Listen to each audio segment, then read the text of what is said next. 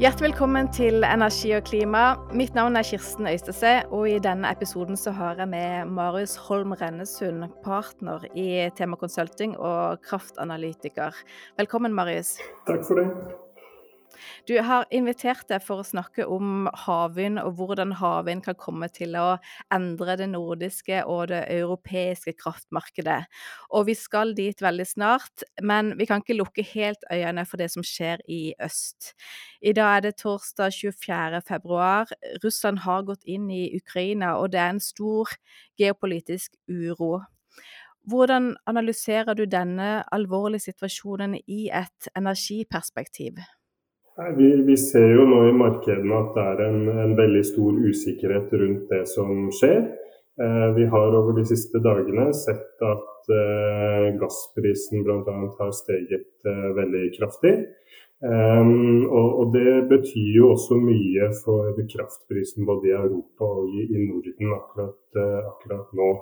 Uh, så det er klart det er, det er stor, stor, usikkerhet der ute. Vi har allerede hatt en, en lang periode med høye gasspriser som uh, har gjort vondt for konsumentene i Europa, som konsumerer mye gass direkte, også husholdningene, og gjennom, gjennom kraftprisen. Eh, og med den uh, usikkerheten som ligger der nå, med, med gasspriser som har steget uh, kraftig over de to siste dagene, så må vi i hvert fall regne med vedvarende høye kraftpriser både på kontinentet og, og, og, og, i, Norden. Og at de også kan stige mer dersom, dersom gassprisen stiger. Eh, og det er spesielt viktig for den situasjonen vi har i, i Sør-Norge, i, i, i det nordiske kraftsystemet. Vi har hatt veldig store prisforskjeller mellom nord og sør. I går var vel, eller i dag er vel prisene i, nord ned mot 15 øre. Eh, mens de er langt, langt høyere i, i Sør-Norge. Um, og, og, økte gasspriser kommer til å påvirke prisene i Sør-Norge klart, klart, mest og relativt lite nord. Så også prisforskjellene innad i, i Norge kan øke kraftig som følge av dette. Og som du sa, gassprisene er allerede rekordhøye. Og så urolig som situasjonen er nå, hvor høyt kan gassprisene gå? Nei, det er, det er, veldig vanskelig å si. Altså, worst case her er jo at, eh, at Russland eh, stopper eh, gasseksporten. Det er lite som skulle tyde på det nå. Vi ser faktisk akkurat nå at de har økt noe, opp mot 10% faktisk. Um, så det er nok ikke den veien vi, går nå. Men, men, gjør de det, så uh, går vi inn i en alvorlig situasjon i Europa hvor man må begrense uh, industriproduksjon i, i, en del sektorer som er gassintensive bl.a. Så man får en form for, for rasjonering. Og i sånne situasjoner så er det ekstremt vanskelig å analysere hvor høyt prisen går. Da, da er det andre ting enn liksom de fundamentale faktorene som, som styrer markedet. I tillegg til usikkerheten rundt gassprisene, så har vi også sett at eh, CO2-prisen har gått fra 30 til 90 euro per tonn i løpet av et år. Og vi får mer uregulerbar kraft inn i markedet, i, både i Norden og i Europa. Hvor vanskelig er det å si noe med sikkerhet hvordan markedet kommer til å se ut og prisene vil utvikle seg de neste 25 årene? Det er eh, selvfølgelig, selvfølgelig vanskelig. Um, og så blir man jo fort veldig farga av den situasjonen man står i akkurat nå, som er veldig spesiell. Og det var nok ingen som forutså de eh, ekstremt høye gassprisene vi, vi ser akkurat nå. Um, men vi tror jo over tid at vi skal få en mer normalisering, um, sånn som markedet ser ut for gass, så skal gassprisene ned eh, utover i 2023. Eh, det vil påvirke kraftprisene nedover også. Men CO2-prisen nok skal forbli høy.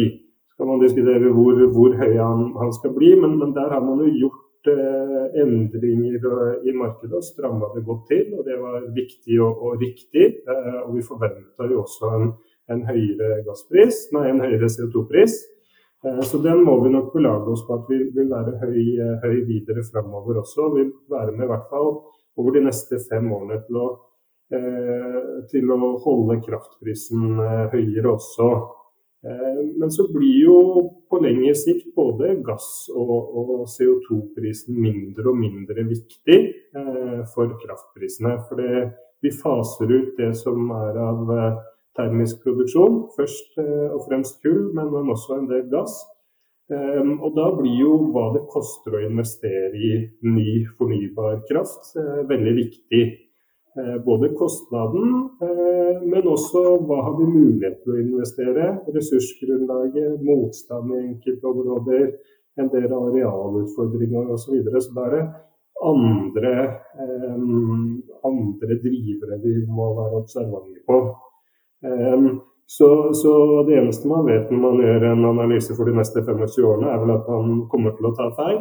Eh, men så må man jo prøve gitt de, de, eh, den informasjonen man har per i dag, eh, og gjøre en, en, god analyse av det og være åpen på hva man legger inn av, av ulike forutsetninger. Så Det er den ene delen av det. Den andre som du er litt inne på også, er at det kommer mye ny fornybar inn som er volatil. Um, Sånn at vi må nok beregne og forvente oss større variasjoner fra år til år. Mellom år som er eh, våte, år som er tørre, år som er vindfulle eh, og år som har mindre vind.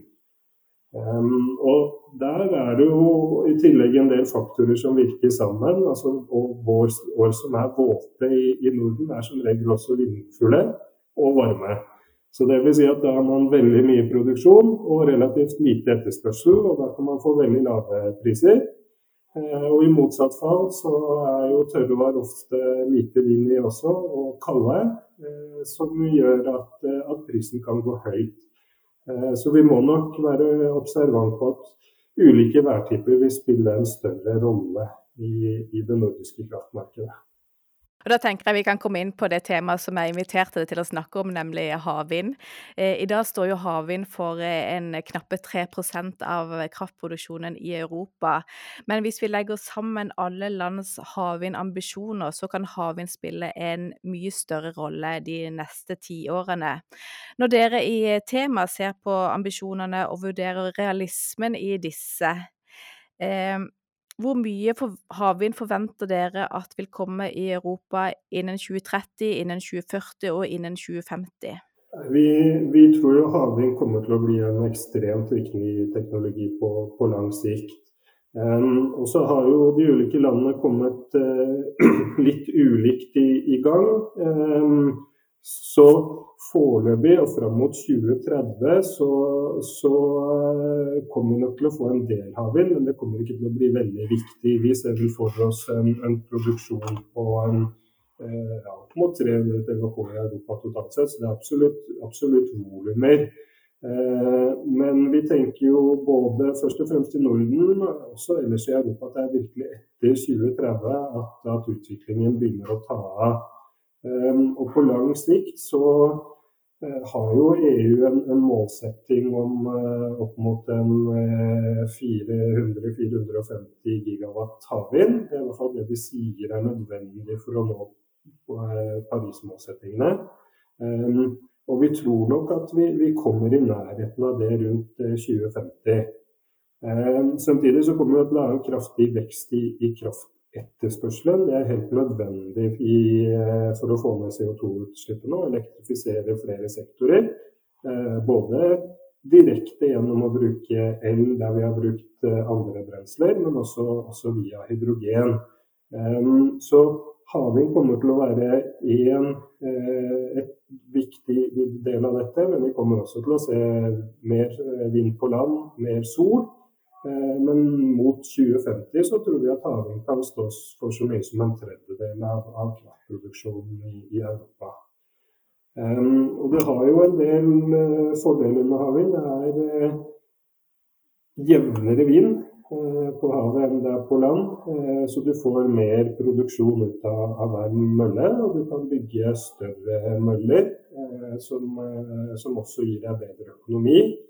Um, og det er mindre motstand eh, mot å bygge til havs enn det er på land. Eh, så, så havvind kommer til å bli en, en nøkkelteknologi på, på, lang sikt i, i våre analyser. i hvert fall. Og når du sier en tredjedel av kraftproduksjonen i 2050, hvor mye snakker vi da om i terawattimer?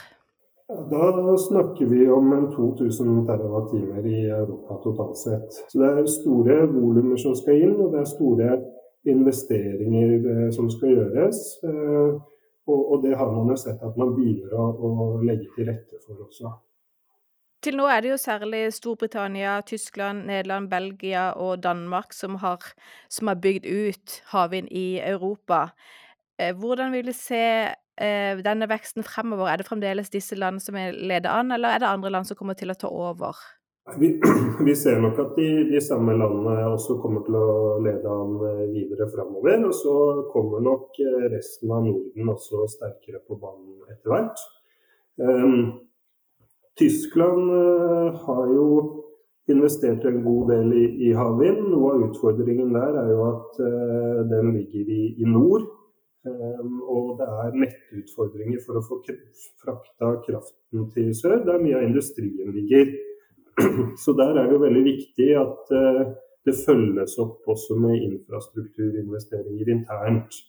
Ehm, og vi ser jo ellers at eh, de landene som har gode vindressurser, eh, begynner å komme på banen. og Danmark har vært der lenge, men de har fortsatt store planer i, i årene framover.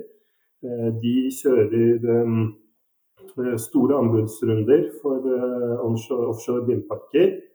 Og har planer om å, om å, fortsette med det videre framover også. Vi ser der at i de siste auksjonene så byr man inn egentlig en, en minimumssubsidie i de, sånn at de, de, får lønnsomhet i det på markedsbaserte vilkår. Så ser vi også at Sverige har funnet eh, gode områder for havvind, eh, lagt planer for de, og altså gitt de i oppdrag til energimyndigheten der om å kartlegge ytterligere områder, sånn at man kan øke produksjonen kraftig på sikt. Eh, og så har vi også fått de, de første feltene i Norge. Ehm, selv om de har blitt eh, litt skalert med, så er i hvert fall det en, eh, en start. Men det er jo langt mindre planer enn en det vi ser i, egentlig alle landene rundt oss akkurat nå. Ja, hvordan sammenligner du både Norges ambisjoner, planer og de prosessene og fremgangsmåtene som vi rigger i stand, sammenlignet med de, sånn som landene rundt oss gjør det? Nei, vi, vi, ser vel at uh, Norge ligger uh, litt på etterskudd her. Uh, det er nok flere grunner til det. Altså, vi, har bygd, vi har et overskudd av kraft, for det første.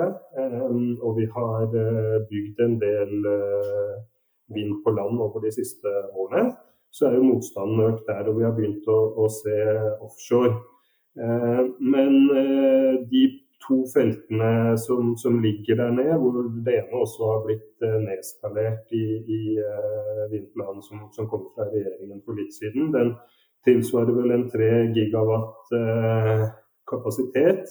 Uh, men ser vi på Danmark f.eks., så uh, har de planer om en, ja, noe over 7 gigawatt fram mot 2030. og 10 gigawatt fram, i tillegg til det fram mot 2040. Eh, og følger opp med, med jevnlige utlysninger eh, for disse. Eh, Sverige har jo lagt fram områder der det kan bygges 30 TWh nå. Og har gitt i oppdrag til energimyndighetene der å, å, finne nye områder for å kunne bygge ytterligere 90 TWh. Og, og, ser vi på, på, hva som er på planleggingsstadiet i Sverige, så er det allerede meldt inn ønsker til, eh, til nettselskapet der om å bygge 50 gigawatt totalt sett. Og så er disse planene litt i ulik fase. Alt kommer ikke til å bli realisert. Alt er antageligvis ikke lønnsomt heller. Og man kanskje søker på flere områder for å sikre seg nettilknytning. Men det er klart, selv om bare en brøkdel av det realiseres, så, så er det store volumer.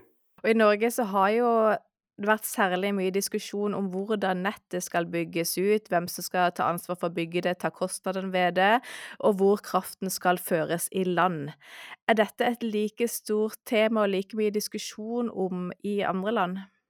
Nei, ikke i like stor grad. Um, vi ser jo i, Sverige f.eks. så har du en implisitt uh, subsidie i at uh, nettoperatøren skal bygge infrastrukturen til havs og har fått et klart oppdrag om det.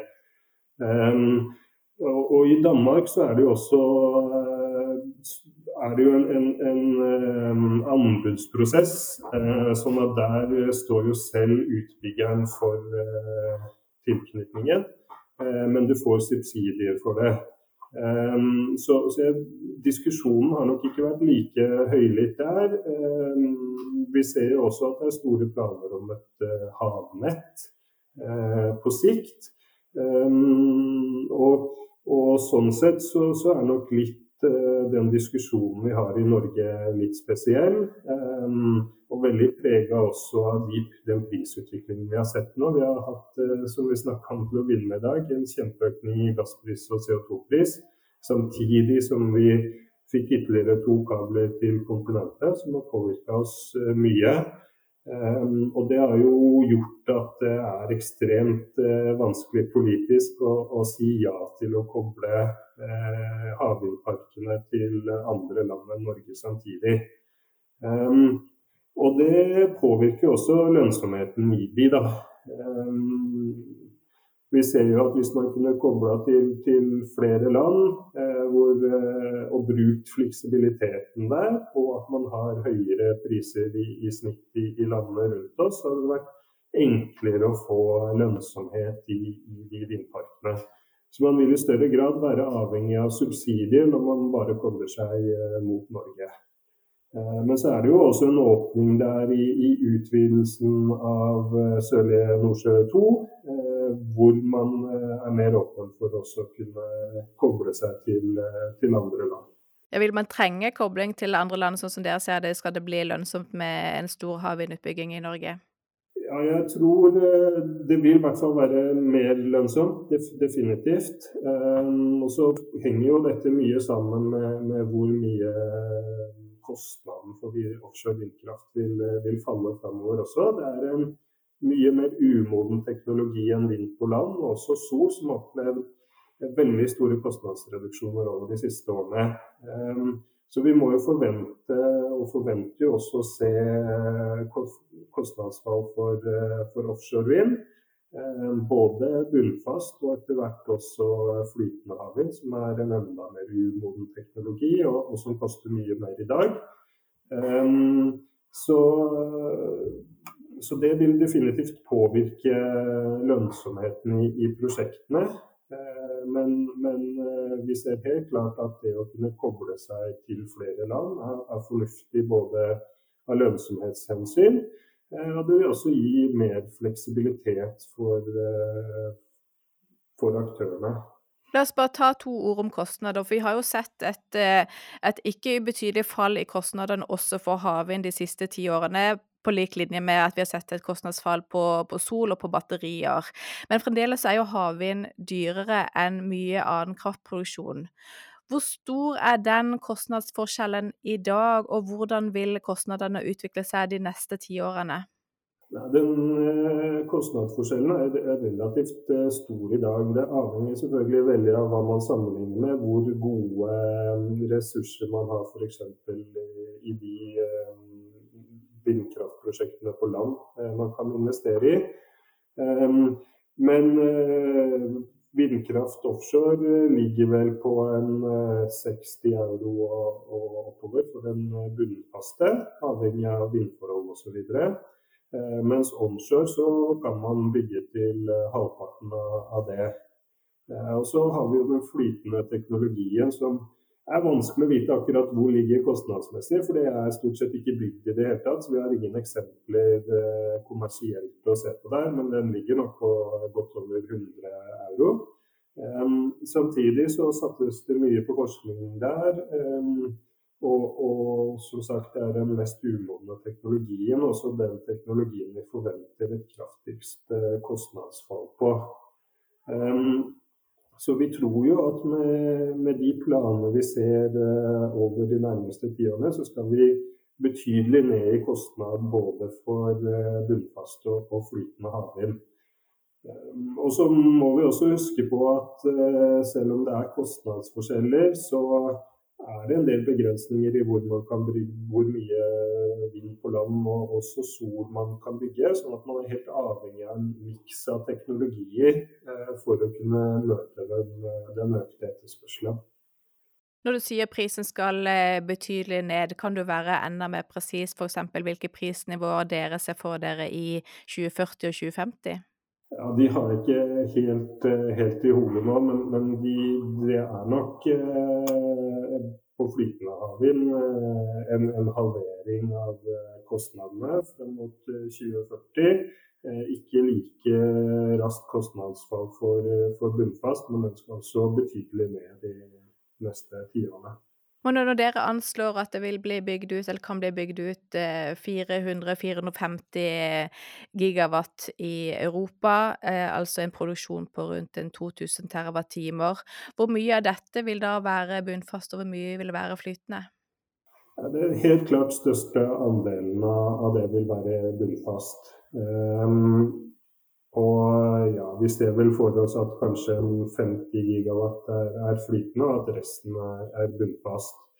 Um, så, så, bunnfast vil være den, den viktigste teknologien. Uh, samtidig som vi jo i, i, Norge har etter vi er gode offshore, uh, har gjort en del rundt flytende havvind, og, og, kan kanskje finne en nisje der som vi kan uh, utvikle oss i og, og ta større markedsandeler i supply-siden enn vi kan på, på bunnfast. Jeg har lyst til å gå litt inn på verdikjeden. For hvis vi skal opp i disse volumene som vi nå snakker om, så skal vi i hvert fall ha en, en 30 000-40 000 havvindmøller, skal vi ikke det? Jo, det skal vi nok absolutt. Er det ressurser, er det materiell, er det arbeidskraft? Er det på en måte skip til å frakte og håndtere alt dette? Hvordan ser verdikjeden ut? Nei, den, den, eh, det er vel der mye av kostnadsreduksjonen er å hente. Eh, når man får opp eh, volumene, får mer spesialiserte skip som monterer osv. For det har vi lite av i dag. De fins. Men det er en hel verdikjede som, som skal skapes, rett og slett. Og, og, på noen av områdene har vi kommet ganske langt, andre er vi ikke det. Eh, men det er nok eh, store verdiskapningspotensialer for eh, de som klarer å være tidlig ute her og posisjonere seg riktig. Så vi har sett litt på, på, hvor stort dette kan bli for norske aktører i noen studier vi har gjort. og vi har vel i en sånn base case sagt at eh, norske aktører kan eh, stå for en 7 milliarder euro årlig uh, i, i, disse markedene. ved å bruke ja, den spisskompetansen vi har offshore i dag. Vi har jo en, en oljebransje og supply-bransje der hvor vi ser stadig flere aktører som vender seg mer mot fornybarbransjen og, og posisjonerer seg der rundt havvind. Eh, og Det tror jeg blir viktig. Um, og Det er som sagt et stort marked der. Uh, mange hadde nok uh, ønska et, et, større hjemmemarked òg, å teste teknologi på. og um, Vi har sett i, i, oljebransjen at det var viktig for for den norske supply-kjeden at man hadde eh, et marked eh, hjemme som gjorde en konkurransedyktig også når man gikk ut i, i Europa. Eh, med de planene som ligger der i dag, så ser vi jo mindre av det. Samtidig så ser vi jo at en, en del av de store aktørene har posisjonert seg godt både i USA, hvor Equinor er sterkt inne, og også på britisk sokkel. Så er det jo også viktig eh, hvor proteksjonistiske man er i, i utlandet. Det fins jo en, eh, I en del land så har man jo klare føringer på hvor mye som skal være lokalt innhold der også. Eh, som gjør det vanskelig for, for norske aktører å få et stort innpass. Altså, havvind har jo i lang tid blitt eh, sett på som et mulig nytt industrieventyr, nettopp fordi, som du nevner, det er store verdier her og, og mange arbeidsplasser. Eh, så er det ganske mange ulike anslag på hvor mange arbeidsplasser vi snakker om. Hva er de mest presise anslagene dere kan gi når det gjelder hvor mange arbeidsplasser vil det være innen havvind i 2030 og 2050 i Europa, hvis det bygges ut så mye som, som, dere, som dere forventer? Det, det syns jeg er vanskelig å, å, gi noe presist svar på. Som du sier, så er det mye ulike tall som er ute og går der. Og vi har ikke gjort noen, noen, eh, noen analyser rundt det. Eh, det kommer til å bli en, en eh, viktig sektor. Du har jo både Eh, byggetiden og, og, det som skal gjøres eh, før eh, møllene kommer opp å stå. Og så er det også et vedlikeholdsbehov løpende der som vil kreve også en del arbeidsplasser. Så vi, det vil bli en viktig, viktig sysselsetting, næring for sysselsetting, men hvor stor den blir, det er, det er veldig vanskelig å si. Og næringen har jo i lang tid pekt på at det er viktig at Norge kommer i gang, at vi er tidlig ute for å skape et hjemmemarked, for at vi skal komme inn og, og, og få verdier og arbeidsplasser i, i, Norge og i norske selskaper. Men er dette fremdeles en sannhet når det planlegges så massivt med, med vindkraft samtidig ellers i Europa? Jeg tror nok eh, næringen hadde ønska en, en, friskere satsing i, i Norge. Um, og når vi ikke får den, så, så er vi avhengig av å, å, være tidlig ute også i andre geografiske områder, som en, en del har klart. Um, så det er ikke en, en umulighet å, å, få til en, en, stor norsk satsing der også, men det er klart det, det krever mer når man må, må se større geografiske områder. Uh, og man må posisjonere seg et, et stykke utenfor norske grenser. Så um, det ville vært viktig å, å få det opp. Jeg tror uh, bransjen hadde ønska en, en kraftigere satsing. men Eh, når man ikke får den, så, så, er de nok villige til å ta litt større risiko og eh, prøve seg også i, i andre steder i Europa, først og fremst.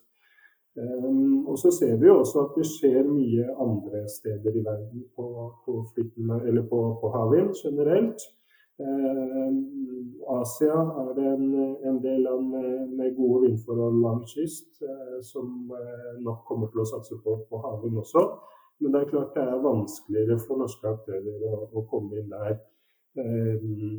men kanskje lettere f.eks. i Sørøst-Asia enn det er å, å komme inn i Kina f.eks.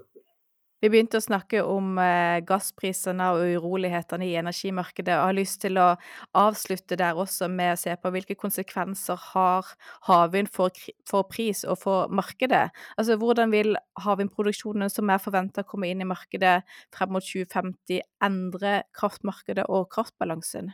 Vi ser jo at eh, etterspørselen vil øke kraftig eh, i årene som kommer. Og ser vi på Norge spesifikt, så sier jo regjeringen i klart i Hurdalsplattformen at det skal elektrifiseres. og Man skal legge til rette for ny grønn industri. Eh, batterifabrikker, en verdikjede for batteri nevnes spesifikt. Det er også hydrogen. Eh, og Vi ser jo at vi er på god vei dit, og vi kommer til å få en ganske kraftig etterspørselsøkning over de neste fem årene. Ehm, det gjør at vi går fra et ganske solid eh, overskudd av kraft i Norge i dag på rundt 15 TWh eh, til å få et underskudd.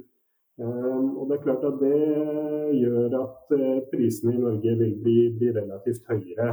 Ehm, og vi er helt avhengige av å få ny produksjon inn. Og i dag så er det jo full stopp for vind på land. Eh, motstanden er stor. Vi gjør om konsesjonssystemet, og det, der er vi ikke klare ennå. Så der vil vi ikke få så mye nytt inn. Um, kan få noe på, på, vannkraft, men heller ikke veldig store volumer. Så vi er helt avhengig av å, å få inn vindkraft uh, så fort som mulig. Um, og, og, vi tror ikke det, det, kommer mye på nett før, uh, før 2030.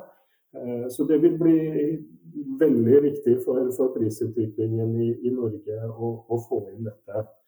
Um, ser man leng, på lengre sikt uh, i Europa generelt, så går det også litt hånd i hånd hva vi får inn av havvind og ny fornybar, og f.eks. investeringer i hydrogen, som vi, vi tror vil bli, bli viktig.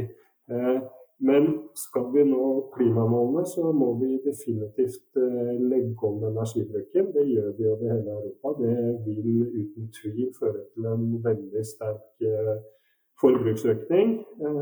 Og da er havvind helt essensielt for å dekke den økningen, og dermed også få, få priser vi kan leve med på lang sikt. Hvis, eh, hvis vi kommer til, til 2050, vi har 2000 TWh med, med havvind, og hvis vi er i perioder hvor det er veldig mye vind, klarer markedet da i Europa å absorbere denne produksjonen? Ja, det, det, er et godt spørsmål. Og, og vi ser jo at eh, vi i dag går fra et marked hvor eh, vi har mye fleksibilitet på tilbudssiden, der man justerer opp og ned gasskraft, kullkraft i, i, Europa, mens vi har en eh, veldig viktig ressurs i vannkraften i, i Norge og Norden, som kan reguleres opp og ned billig. Eh, men når vi kommer frem fram mot 2050 med utelukkende nesten uregulerbar kraftproduksjon, så er vi helt avhengig av mer fleksibilitet på etterspørselssiden. Eh, og den vil komme i mange former. Du har noe som er mer sånn klassisk eh, etterspørselsfleksibilitet. At industrien f.eks. Eh, tar opp og ned produksjonen. Eh, mellomlandsforbindelser, selv om det ikke er veldig populære akkurat nå, betyr også økt fleksibilitet. Um, og vi ser og tror at hydrogenproduksjon kommer til å bli veldig viktig. Uh, og at man da i timer med kall det overskuddsproduksjon av, kraft, vil øke hydrogenproduksjonen. Og så produserer man mindre når det er lite vind og lite sol. Ehm, så vi tror hydrogen vil være en sånn nøkkel i å få den fleksibiliteten man trenger eh, på lang sikt. Ehm, men vi vil nok fortsatt eh, se mye større variasjoner i prisene fra time til time, dag til dag, eh, enn det vi har vært vant til til nå. Men en nøkkel her er altså å se havvind og hydrogen litt i sammenheng? Definitivt. Og det, det er både pga. fleksibiliteten som ligger der, men også energitransporten. Ehm, det kan være et spørsmål om hvor mye skal man eh, transportere i form av elektroner, eh, og hvor mye i, eh, i form av, av, hydrogen. Og der ser vi jo ulike planer allerede. Noen av de energiøyene man ønsker å, å, legge til rette for i Danmark, eh, har jo havvindproduksjon. Eh, kanskje kobla til ulike land, hvor man enten produserer hydrogen med en gang man eh, når grensa, kan transportere den sørover i, i Tyskland, framfor å bygge massivt med, med kraftnett. Andre ting man ser på, er å produsere hydrogenet offshore og skipe det inn til land. Ehm, så en kombinasjon her eh, er nok eh, veien å gå. Eh, sånn at man har større fleksibilitet og ikke trenger de massive nettinvesteringene som man ellers ville hatt hvis man skal klare å fasilitere så mye ny kraftproduksjon. Men batterier, da, er det også en mulighet til å koble det, eller ser dere på det som mer interessant å koble havvind og hydrogen fremfor å bytte, bygge batteriparker eller ha mer sånn lokal lagring i batteri? Vi, vi ser nok eh, hydrogen som det, den viktigste teknologien, fordi man kan lagre større mengder energi over, over lengre tidsrom. Men batterier kommer definitivt til å ha en rolle, eh, men mer for de kortsiktige svingningene. Eh, og også ser vi på lønnsomheten av de i dag, så er vi jo mer i, i type balansemarkeder og for nettstabilitet at vi finner lønnsomhet i, i, batteriene. Så kommer de også til å eh, falle i kostnad framover. Eh, begge teknologier kommer til å bli viktige, men, men batterier mer for kortsiktig regulering og, og hydrogen mer for de langsiktige svingningene. Du Marius, da sier jeg tusen takk for praten. Takk skal du ha. Det kan godt være vi kommer tilbake igjen til det både når det gjelder kraftmarkedet og hva som skjer på, på havvind i Europa, for dette er viktig å følge med på, så tusen takk skal du ha. Takk også til eh, du som lytter på. Abonner gjerne på Energi og klima i din foretrukne podkastapplikasjon. Takk for i dag.